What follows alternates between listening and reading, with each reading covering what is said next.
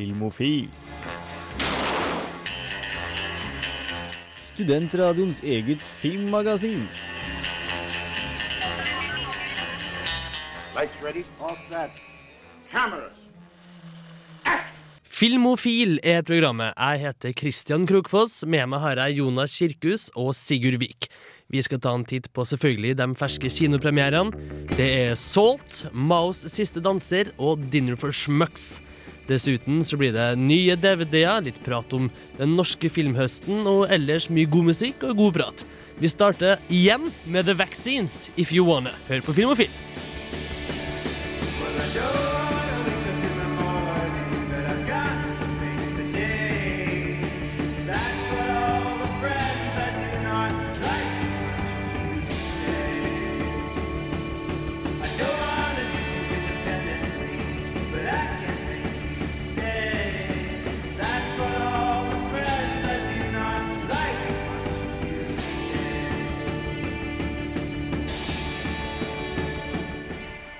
The Vaccines med If You Wanna her på Filmofil. Litt filmnyheter. Sigurd Vik, velkommen i studio. Takk, takk. Yes, Hva du har på agendaen? Eh, på papiret har jeg følgende. Nemlig en liten gladnyhet til dem som likte filmen Juno. Den lille indie-perla som eh, om den eh, unge gravide som kom for noen år siden.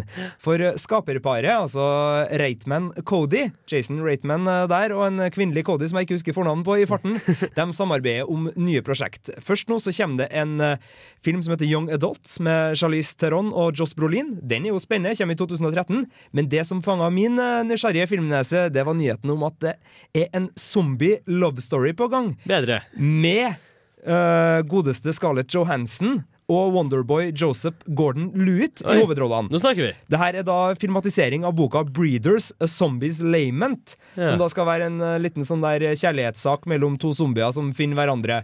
Og da Scarlett, den smukke, og Joseph Gordon-Lewitt, den kjekke, som eh, da skal bekle de her rollene. Angivelig. Så, så vidt jeg vet, så betyr lament en slags klagesang. Ja, det er mulig det ikke går så bra, da, vet du. Litt sånn emosjonelt, dere, da. Det er nok noe emo-skitt. Men med zombier. Ja. Kjempebra. Zombie-emo. Ja da. På en eh, annen eh, akkord Google og Apple Ja. slåss om å bli vår nye videobu. Altså, Det har jo vært mye eh, snakk om uh, hvordan vi skal få leid filmer på uh, internett. Og nå driver både Google med da YouTube og Apple med sin iTunes og slåss om uh, rettigheter til videoleiemarkedet. I likhet med andre kriger opp igjennom VHS-betakrigen, som VHS vant, og nå sist HD-DVD mot Blu-ray, som Blu-ray vant, så er jo også det her en liten formatkrig. Så det blir spennende å se hvordan vi kommer til å, få tak i oss film eh, framover. Blir det den gode gamle søke på torrents.com, eller blir det YouTube, eventuelt eh, iTunes?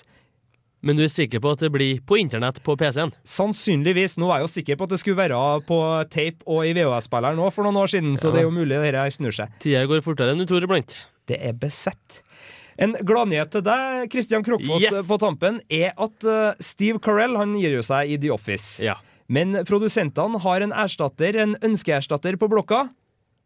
Harvey Keitel i The Office. Han det er liker jeg. drømmen. Han, liker du. Han liker. Tror du kommer til å flire av den? Ja. Garantert. Det blir sterkt. Ja. Forholdsvis far-fetched enda det her, altså, men ønsket til produsentene Harvey Keitel. Stund siden jeg har sett han i en film, for så vidt, så han trenger vel kanskje litt arbeid, han også. Godt mulig. Jeg har en liten eh, tegneserienyhet, sånn helt på tampen. Hei, Eh, Jonas. Velkommen Hei, til studio. tusen takk. det, det, det ser ut til at det nå kan bli TV-serie av eh, tegneserien Sandman. Mm. Eh, det, litt tidligere år så ble det pitcha et manus til HBO. De likte det ikke, eh, men nå har eh, Warner Bros sagt at de leter etter en regissør som kan gjøre det kult. Og da begynner det å bli seriøst når de sier at de leter etter folk. Det er jo en av de klassiske, litt mer nymoderne tegneseriene fra midten av 90-tallet som virkelig traff en, en nerve hos mange ungdommer. Jeg er litt blank. Hva handler det om veldig kjapt? Eh, om en fyr i en sånn drømmeverden og døden og livet og sånn. Kjempebra. Tror jeg, Det er lenge siden jeg leste. Jeg var litt emo på den tida. Så. Det er mange filmmanus opp gjennom tida som har blitt uh, pitcha på, på akkurat denne historien, men de har ikke klart å gjøre det liksom dypt nok med alle lagene og alle drømmene og sånt. Men nå ser det ut til å kan bli TV-serie og bli utvikla over litt lengre tid. Vi krysser fingrene her i Filmofil. Etterpå skal vi snakke litt mer om Emmy-prisene. Her er Methera. With our eyes shut blindly, we aim for the next in line. Du hører på Filmofil. Kristian Krokfoss her sammen med Sigurd Vik og Jonas Kirkhus. Sistnevnte vil prate litt om Emmy. Ja, for det var jo Emmy-utdeling, TV-ens TV Oscar-prisutdeling eh, nå til helga. Ja, et kjapt spørsmål. Er Oscar da filmens Emmy? Ja, du kan, du kan si det sånn. Kjempe. Hvis Emmy hadde vært mye mer kjent, så hadde Oscaren vært filmens Emmy.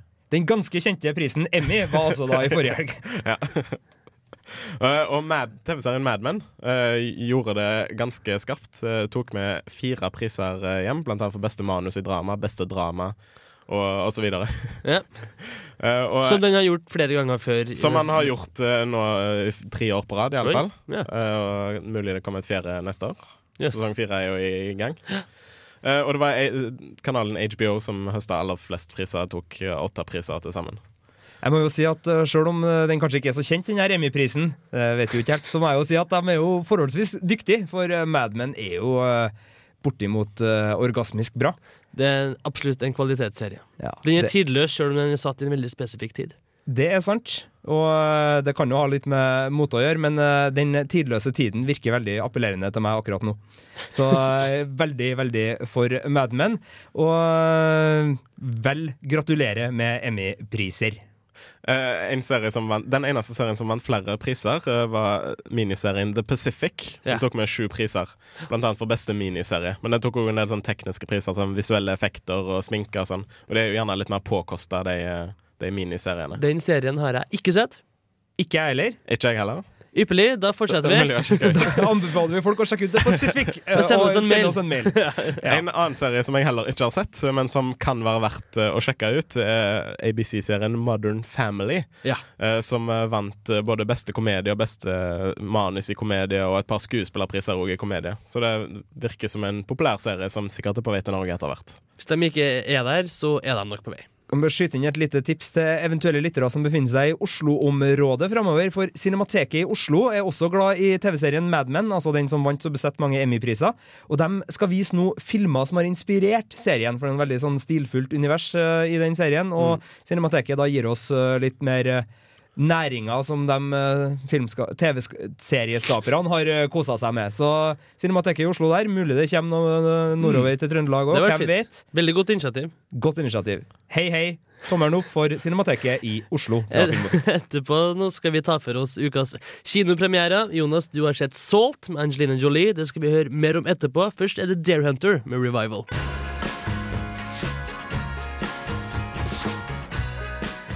Du hører på Filmofil, og vi tar en titt på kinopremierene. Jonas Kirkhus han har vært på kino og sett Salt. Tom Cruise skulle egentlig spille hovedrollen, men han ble erstatta av Angelina Jolie. Jeg lurer på hvordan det gikk. You think everyone is who they say they are.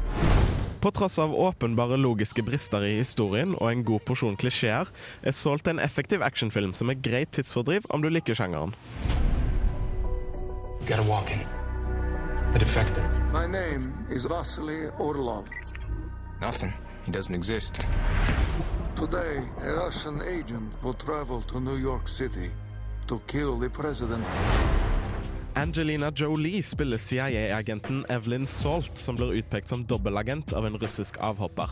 Russland har i årevis plassert agenter i viktige posisjoner i CIA og Det hvite hus, som når tida er inne skal initiere prosjekt Day X, som skal starte en massiv angrepsbølge mot USA. The name of the agent is Evelyn Salt. My name is Evelyn Salt. Then you are a Russian spy. Salt blir drevet ut på en intens flukt. Hun lager skytevåpen av vaskemidler og kontormøbler, hopper fra trailer til trailer i altfor høy fart, tar livet av mange bevæpna menn med bare hendene og blir skutt. Alt i løpet av filmens første kvarter. Men hun stopper aldri. Hun har ting hun må ta seg av. Where'd she go? What are you doing there? This doesn't look good. I'm not a Russian spy.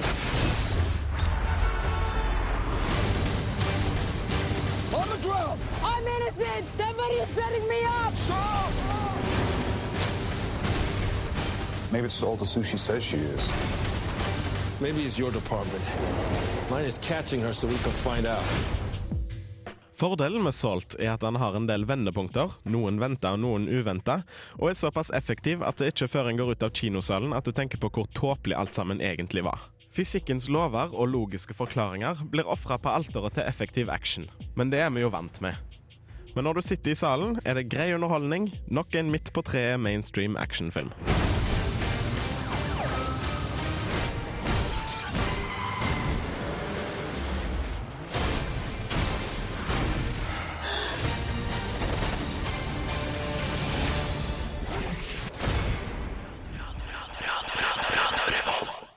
Jonas Kirkhus, vi triller terning på Salt. Vi triller en eh, litt slapp terningkast tre.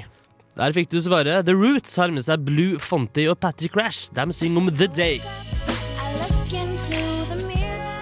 Tjo! Uh, The Roots, tror jeg, med Blue Fonte, Patrick Crash og The Day. Det liker du sikkert. Ja, det var fint. Jeg har vært på kino og jeg har sett eh, Maos siste danser. Du liker kino, du. Ja. Maos siste danser. ja. Hva den handler om? Handler om en uh, kineser som er veldig flink i ballett sånn på 70-tallet. Så blir han sendt til sånn USA for sommeren for å prøve seg litt på ballett i USA. og Sånn. Hva syns han om det?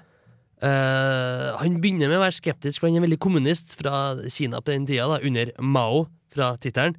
Men kanskje han blir litt svak for det amerikanske systemet etter hvert. Får han lov til å være der? Det kan jeg nesten ikke svare på, for det blir utover andre tredje akta at det kanskje blir et problem. Skaper det problemet spenning? Egentlig ikke. Er det en bra film?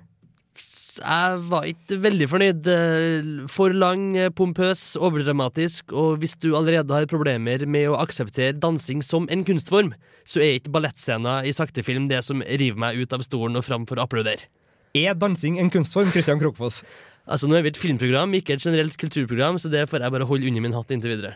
Den hatten rommer mye rart. Men, hyggelig å se Carl McLaughlin i en liten birolle. Han liker alltid å se på storskjermen. Vi kjenner han fra Blue Velvet, Dune, Twin Peaks etc. Ja. Han spiller da en sørstatsadvokat og er kanskje filmens lille humoristiske lyspunkt i all sin seriøsitet. ja. Jeg skjønner jo at temaet ikke er utrolig fengende hvis man ikke er danseinteressert fra før, men hvordan var filmen? Altså filmens språk, estetikk, var det mye å kose seg med for eh, øynene? Jeg syns den er veldig eh, platt, streit eh, og, og gjennomført teknisk godt, men det er ingenting utfordrende, spennende eller vakkert med det sånn sett. Og det er ikke bare dansing heller, da. Det er jo en del politiske intriger, og han møter jo kanskje en jente eller to som eh, han blir interessert i, etc. Så du får jo det her laget med intriger, da. Men det tar for lang tid, og det blir for klisjéfullt til å holde spenninga i nesten to timer. Tre ord om kameraføringa. Eh, streit, vanlig å sette før. Hva med filmens soundtrack? Var det noe der som eh, gjorde at du rista litt på rockefoten? Egentlig ikke. Totalt sett, hva syns du om eh, Maos siste danser, Christian Krokfoss? Under Paris og ikke en film jeg anbefaler for sånne som meg. Den er god. Har du en eh, terning å trille? Jeg triller som vanlig litt strengt, og vi triller en toer på Maos siste danser. Det bestemte jeg meg for akkurat nå. Kjempe.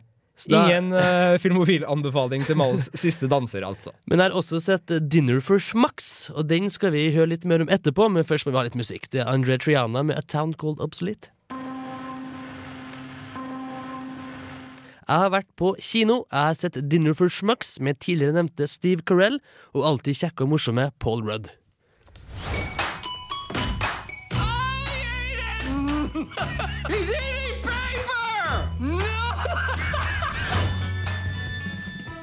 Hjelp, jeg skal i middag hadde vært en glimrende norsk tittel på Dinner for Schmucks.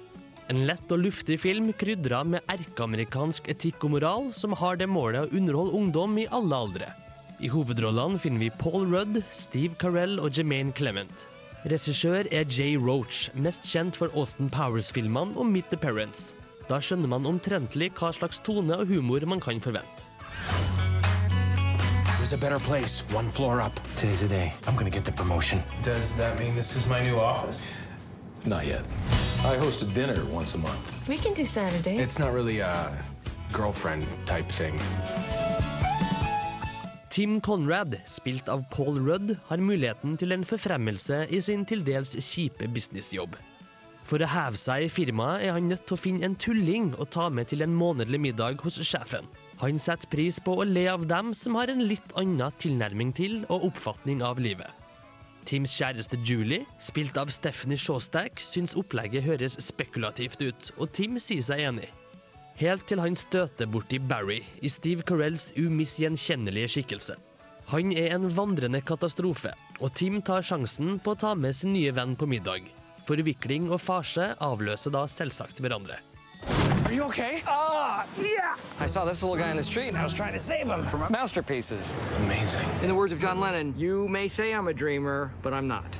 The only one. The only what? That's the lyric. Uh, you may say I'm a dreamer, but I'm not the only one. I don't think so, Tim.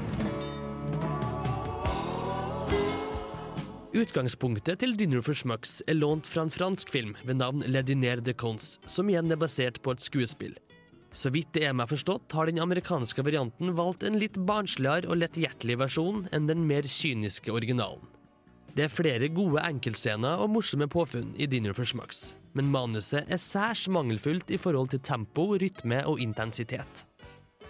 Iblant går det altfor lenge uten at noe særlig morsomt egentlig skjer, og det er dårlig nytt for en komedie, særlig når den kan skilte med en meget god rolleliste. Det er da også de mindre birollene som er de beste øyeblikkene i filmen.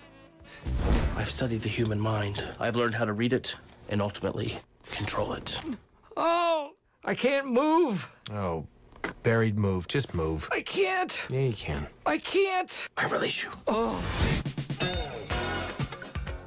Jermaine Clement, kjent fra Flight of the Concords, er hysterisk som pompøs og overseksuell kunstner. Og Zack Galifianakis er nærmest skummelt bisarr som selverklært mystiker. Høydepunktet for meg var den blinde fekteren vi møter i siste akt. Det blir nemlig et middagsselskap, og gjestene er definitivt noe for seg sjøl. Dessverre er Dinner for Schmucks en meget ujevn affære. Paul Rudd og Steve Carell spiller karakterer de har spilt mange ganger før, og det går akkurat. Forutsigbarhet trenger ikke være negativt, men da er veien veldig kort til klisjéfull. Dinner for Smucks' får godkjent av undertegnede. Den er underholdende og søt på sin måte, men jeg blir sittende og tenke på all humorkompetansen som ikke blir utnytta til sitt fulle i løpet av filmen. Perfekt for bakfulle søndager og anspente tredje stevnemøter. En streng terningkast tre. Hi, Tim. We switched phones. Okay. Oh, I just realized you can't get my messages. My password is P A S S W O R D. You can't get that message either.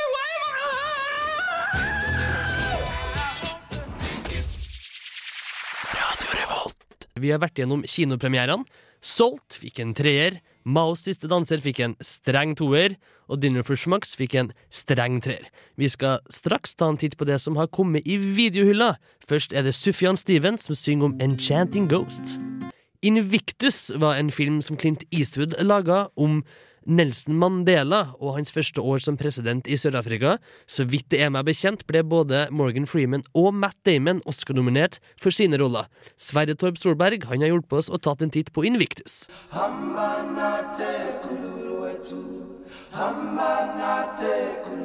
Hvite, privilegerte sørafrikanske ungdommer spiller rugby på det grønne gresset utenfor privatskolen. Mens fattige, svarte sørafrikanske barn spiller fotball på grusen rett over gata. Nelson Mandela har nettopp blitt løslatt fra fengselet, og mens de svarte ungdommene jubler, er den hvite rugbytreneren bekymra. Remember this day, boys. This is a day our country went to the dogs. Invictus handler om Sør-Afrikas rugbyteam Springboks, som mot alle odds vant VM-finalen i rugby på hjemmebane i 1995, og sikra sitt land ære, berømmelse og en diger pokal. Men aller mest handler det om Nelson Mandelas første år som president, og hvordan han klarte å samle en hel nasjon som etter apartheids fall var nær ved å briste. Skal vi tro Invictus, spilte rugby en svært viktig rolle i dette arbeidet. I thank whatever gods may be for my unconquerable soul. I am the master of my fate. I am the captain of my soul. En utrolig, men sann, god og inspirerende historie som regissør Clint Eastwood gjerne kunne hatt litt mer tillit til. Isteden hamres det her livsviktige budskapet om likhet for alle og regnbuenasjonen inn i hodene våre, med overdreven symbolikk, unødvendige monologer og til tider fullstendig tåpelig apropos-musikk. Jeg trenger ikke å høre låta 'Colorblind' for å skjønne hva som foregår.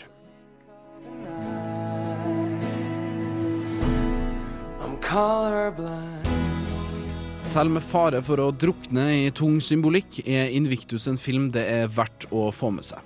Morgan Freeman er født inn i rollen som Nelson Mandela, og det er tøft gjort å spille en i aller høyeste grad levende legende på film. Matt Damon er heller ikke så verst i rollen som rugbykaptein PNR, godt trent og med en herlig sørafrikansk aksent. Listen to your country. This is it. This is our destiny. Foruten å være en bok og en film, er Invictus også et dikt som inspirerte Mandela de 27 årene han satt fengsla på Robben Island. Filmen Invictus kan også inspirere og minne mennesker på at sjøl om man har alle odds imot seg, så er det mulig å forandre verden. Og at hvis du slår det budskapet inn hardt nok, vil det forhåpentligvis sitte.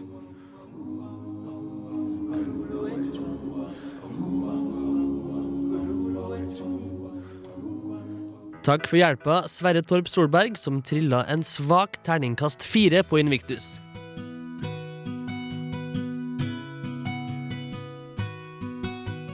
Forfatteren Nick Sparks står bak tidligere filmatiserte bøker som A Walk to Remember og The Notebook. Med dette blir også hans siste roman, The Last Song, overført til lerretet.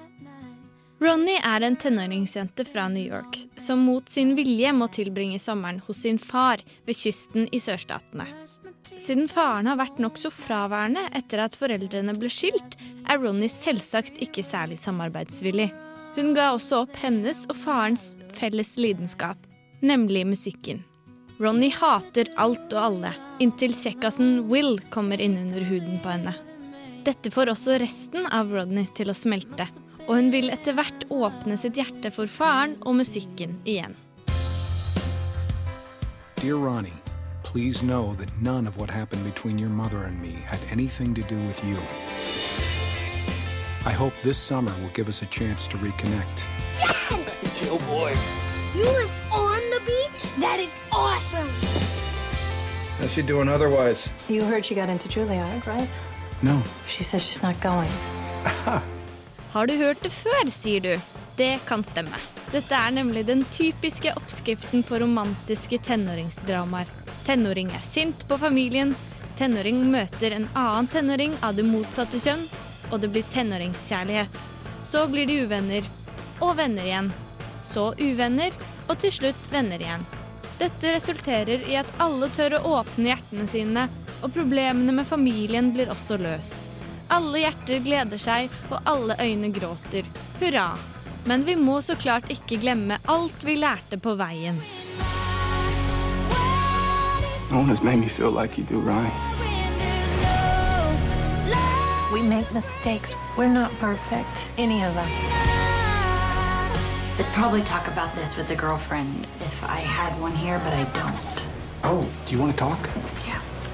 Ronny spilles av tenåringsidolet Miley Cyrus, som i tillegg til å toppe hitlistene med låta 'Party in the USA', også omtaler seg som skuespiller. Man skulle tro at hun hadde opparbeidet seg en del erfaring med hovedrollen i serien Hannah Montana, og at hun kanskje kunne vise mer enn bare tre uttrykk. I The Last Song er hun enten sinna, forelsket eller lager et ubestemmelig rart grimase som skal forestille lei seg. Den rike kjekkasen Will, spilt av australske Liam Hemsworth, er ikke kjekk engang. For øvrig kan han gå tilbake til å spille i såpeserien Neighbours, eller leke mer kjekkas på stranda i serien Home and the Way. Sometimes you have to be apart from people you love. But that doesn't mean you love them any less. Sometimes it even makes you love them more. Stop smiling like that. It's creeping me out. My smile creepy? Let's see it. Kinda. Musikken er den ene suppete poplåten etter den andre. Og Miley Cyrus er selvsagt også å finne på soundtracket. Jeg er sikker på at The Last Song kommer til å trekke mange bløthjertede tenåringsjenter som på slutten av filmen sitter med klump i halsen mens tårene renner. Det er nemlig en trist historie som ligger under overflaten og overrasker deg mot slutten. Totalopplevelsen er med andre ord ikke god. Men hva kan man egentlig forvente annet enn klisjeer etter klisjeer? Likte du forfatterens andre filmatiseringer, kan jeg love deg at du vil like The Last Song også. De har nemlig akkurat det samme innholdet, oppbyggingen og budskapet. og faller dermed også ned på et terningkast to.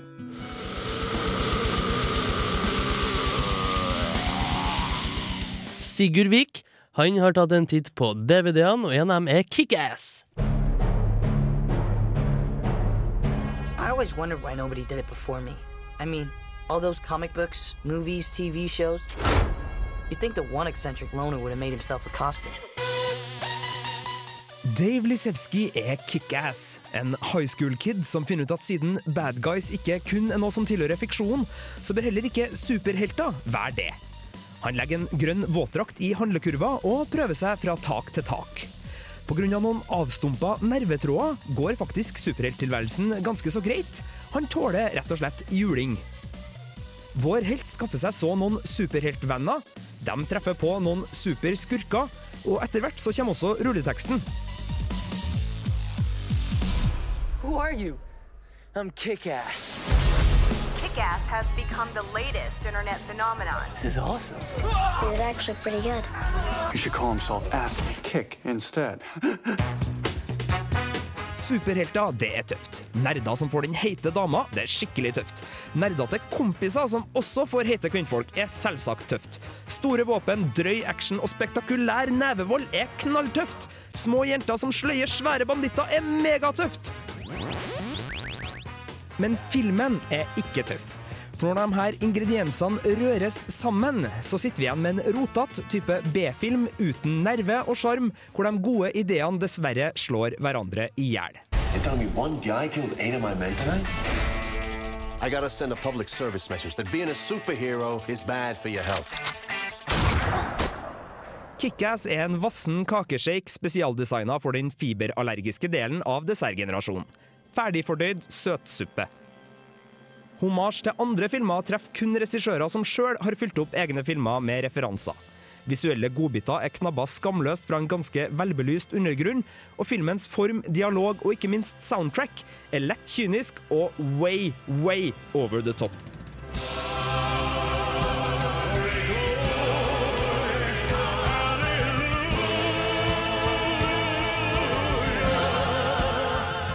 Ja, det her er faktisk fra filmen. Kickass byr på mange tøffe og kraftige spark, men treffprosenten er begredelig. Terningkast to. Is it gonna hurt bad? Oh, child. Only for a second, sugar.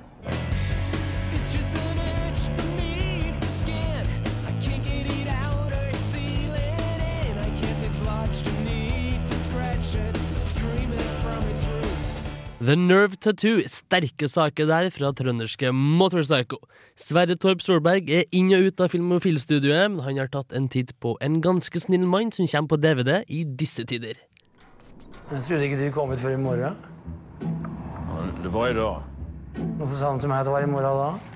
Det er Stellan Skarsgård som løfter denne ganske gjennomsnittlige norske filmen opp fra gjørma.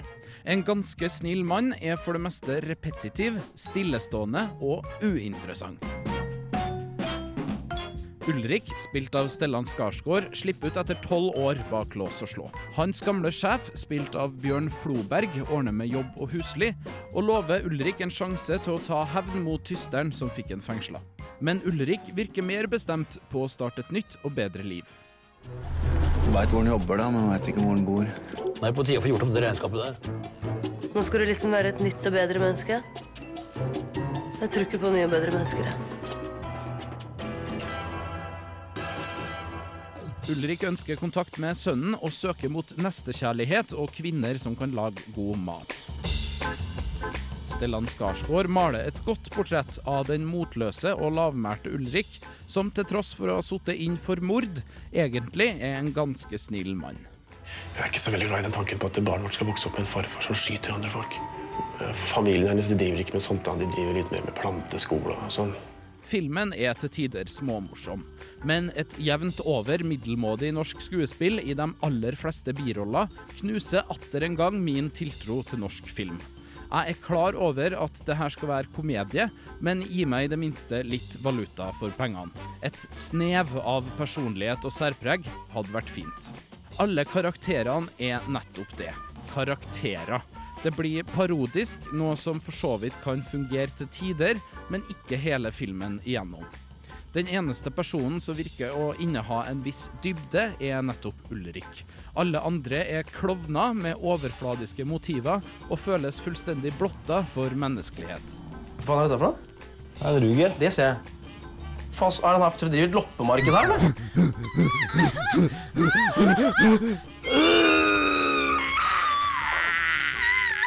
Det sies at det skal være typisk norsk å være god. Derfor syns jeg det er synd og skam at man ikke kan lage bedre film i Norge. Historien blir etter hvert altfor repetitiv. Det hjelper ikke at VG syns at filmen har sitat, 'de morsomste sexscenene i norsk filmhistorie', sitat slutt, når filmen er nærmest blotta for spenning og framgang. Det blir ganske enkelt for mye av det samme, og underveis er det så åpenbart hvor vi skal at jeg mister interessen. En ganske snill mann reddes så vidt på målstreken av Skarsgårds rolletolkning, og hadde havna langt, langt ned på skalaen hadde ikke vært for den svenske Hollywood-stjerna. Enda mer skamfull blir jeg av mottagelsen denne filmen har fått av norske anmeldere, som tydeligvis benytter enhver anledning til å rose norske filmproduksjoner opp i skyene, uansett hvor miserabelt resultatet er. Det blir en veldig snill treer på terningen for en ganske snill mann.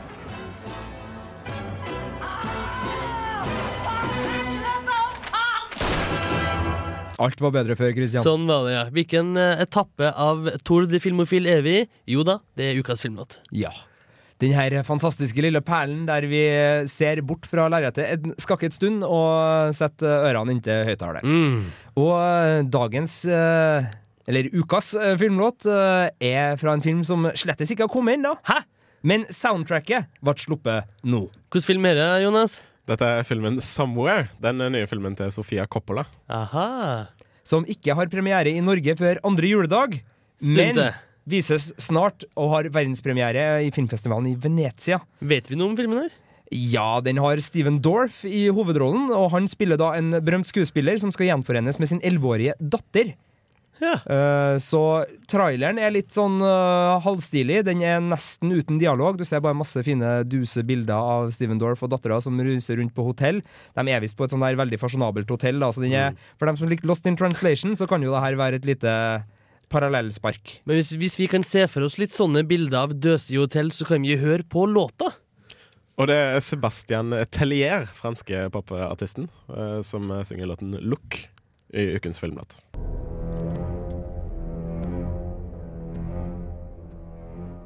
Dette er ukas filmlåt her på Filmofil.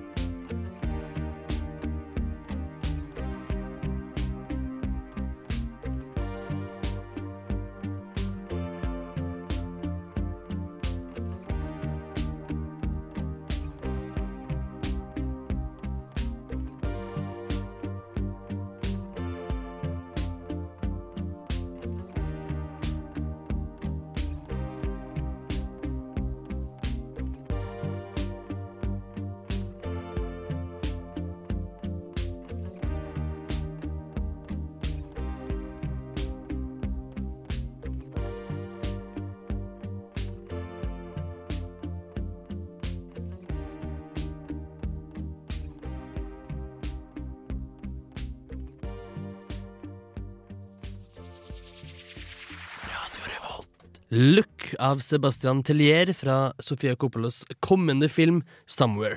Vi skal snart snakke litt om den norske filmhøsten her på Filmofil. Det har kommet litt forskjellig nå i sommer, og det er mer å se fram til. Først har vi Blond Redhead med Not Getting There.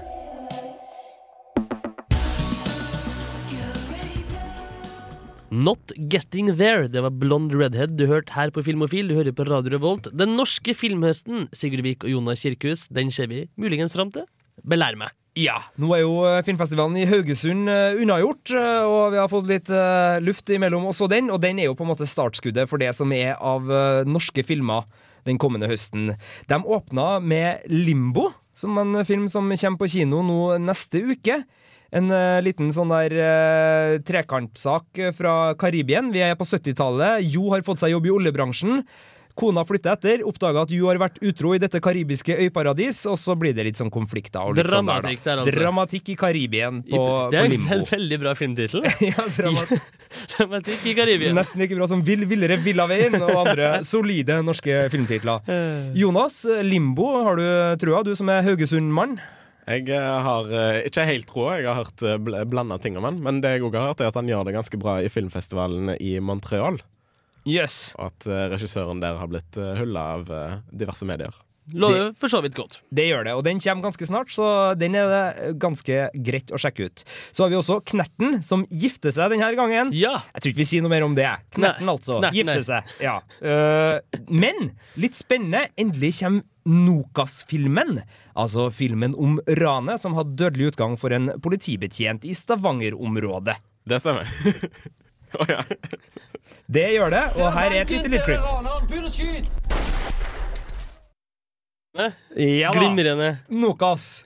De er vel ca. like bra organisert som vi er her i studio. De politimennene der. Den var over kanten. Jeg beklager. Sport, Vi det gleder ansvar. oss. Ja. Nei, kjempebra. Nokas. Nokas-filmen. Storsatsing. Storsatsing. Spennende. Det er Erik Skjoldberg som har hatt regien. Hvem? Skjoldberg. Skjoldberg, ja. Ja, det er det. Så en annen stor regissør, Petter Ness, kommer med 'Maskeblomstfamilien' om ikke lenge. Og det her er da en eh, ja, altså Barnet er oppdratt som gutt, men er vel hemafroditt. Altså litt av begge deler. Og Mm. det her er jo en uh, skambelagt sak i Norge, og den er lagt litt tilbake i tid. Og ja, handler rett og slett om eh, skammen rundt det. Og, Tunge saker. Ja da, det er tunge saker. Og det er Marie Bondevie, og det er Dennis Storøy, det er Bjørn Sundquist. Så Tunge saker. der har vi da en, en slugger av en eh, norsk film i vente. Basert på boka av Lars Saabye Christensen. Enda verre, holdt jeg på å si. Det, det, det her er The Big Guns. Det er Maskeblomstfamilien. Eh, En annen stor kanon eh, er triologien. Ja, for det har blitt en triologi. Fritt vilt. Her er død nå. Jeg har drept henne før.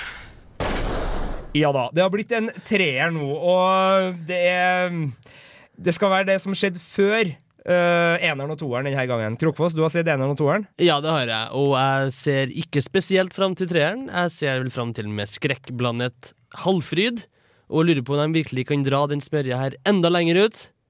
Det om det blir noe særlig. Det finnes jo en eh, seks-sju politiskolen, så at de kan dra smørja ut, det er det jo ingen tvil om. det er igjen veldig gode filmer, Det er sant. så da er det lov. Det er sant. Mm. Kanskje vi skal se Politiskolen eh, en dag, jeg og du. Vi fortsetter på den norske filmhøsten. Keeperen til Liverpool kommer i slutten av oktober, så vidt jeg vet. Det er Arild Andersen som har laga en film som eh, rett og slett eh, handler om en ung mann. Vi skal høre litt hvordan det er.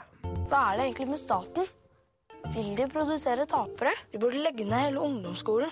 Det er helt unaturlig å samle sammen folk på den alderen. Alle er helt forskjellige. Ei, Tom Erik. Se i dusjen, da. Noen er utstyrt som pornostjerner, mens andre Nei, jeg lider meg bare gjennom å bli ferdig med dritten her, altså. Keeperen til Liverpool, altså. Bruce En- Grubbelar, tenker jeg da. Ja, det gjør du.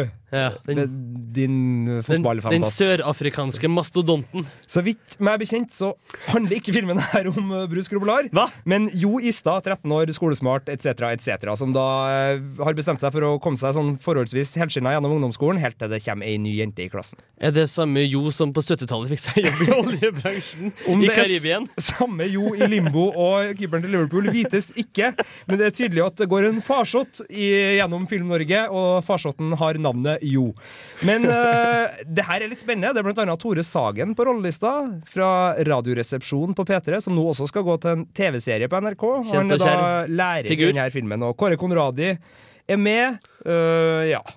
Det blir vel øh, spennende. Nei, Jeg har litt trua på den her keeperen til Liverpool. Den virker litt, uh, litt smart uh, ungdomsfilmene der. Kan bli artig. Men, uh, Mere filmhøst eh, blir det selvfølgelig straks, men først er det pastor TL Barrett and the YFCC, Joyful Noise. Dere er Joyful Noise, det, med pastor TL Barrett and the Youth for Christ Choir. Litt god gammel eh, jeg tør, tør jeg si soul? Gospel soul? Det var det. Best du vet det. God gammel. Bortimot. Topp fem. Litt mer glad i film. Den norske filmhøsten er temaet, det stemmer. Det er det. Og vi har nå øh, begynt å nærme oss helt på tampen av oktober, da den såkalte dokumentarfilmen 'Trolljegeren' har premiere. Det er André Øvredal som har regi, og det her skal være da en sensasjonell dokumentarfilm som avslører regjeringens momentale anstrengelser for å skjule sannheten, nemlig at troll finnes her til lands. Så en litt sånn tulledokumentar Ah, der, da. en mockumentary. En mockumentary om en. de norske troll.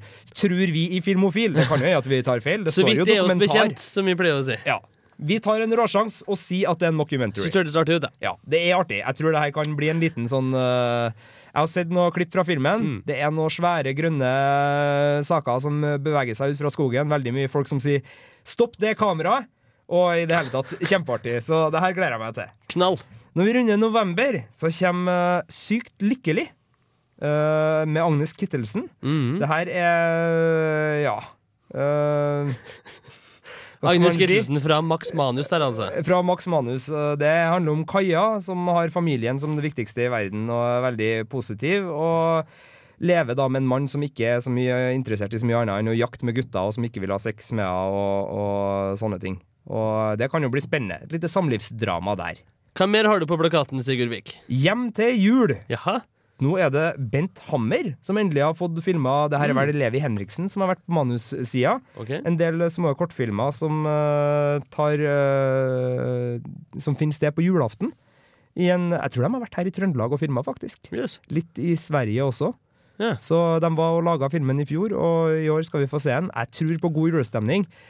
Blir vel premiere litt mer ut i desemberen, da? Kanskje litt nærmere sånn? ja, det er vel på tampen av november den her Mm. eh, kommer, så det blir det. Men altså, Bent Hammer skaper jo noen vanvittig stemningsfulle, flotte bilder. Så han med Levi Henriksen og juletematikk tror jeg kan bli veldig, veldig fint. Kan det bli for sukkersøt? Neppe. Jeg tror ikke det blir sukkersøtt. Jeg Du tror hørte det her i Film og Film. eh, litt grå hverdagsrealisme inni jula, men eh, at det nok blir nostalgisk og, og hjertevarmt, det tror jeg. Det tåler vi. Det tåler vi. Mm.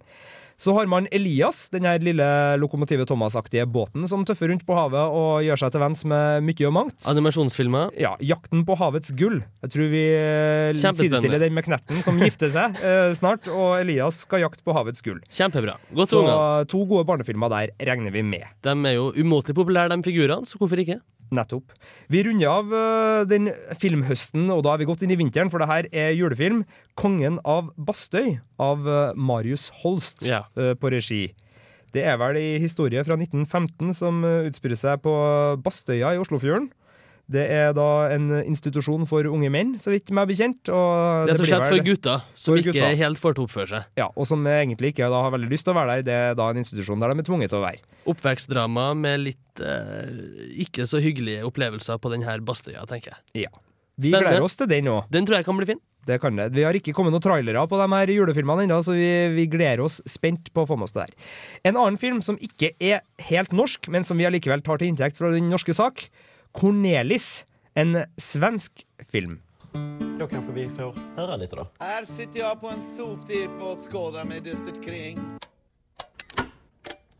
Jag är en slusk, jag är ett svin Jag gillar snusk men du är fin Du dricker vin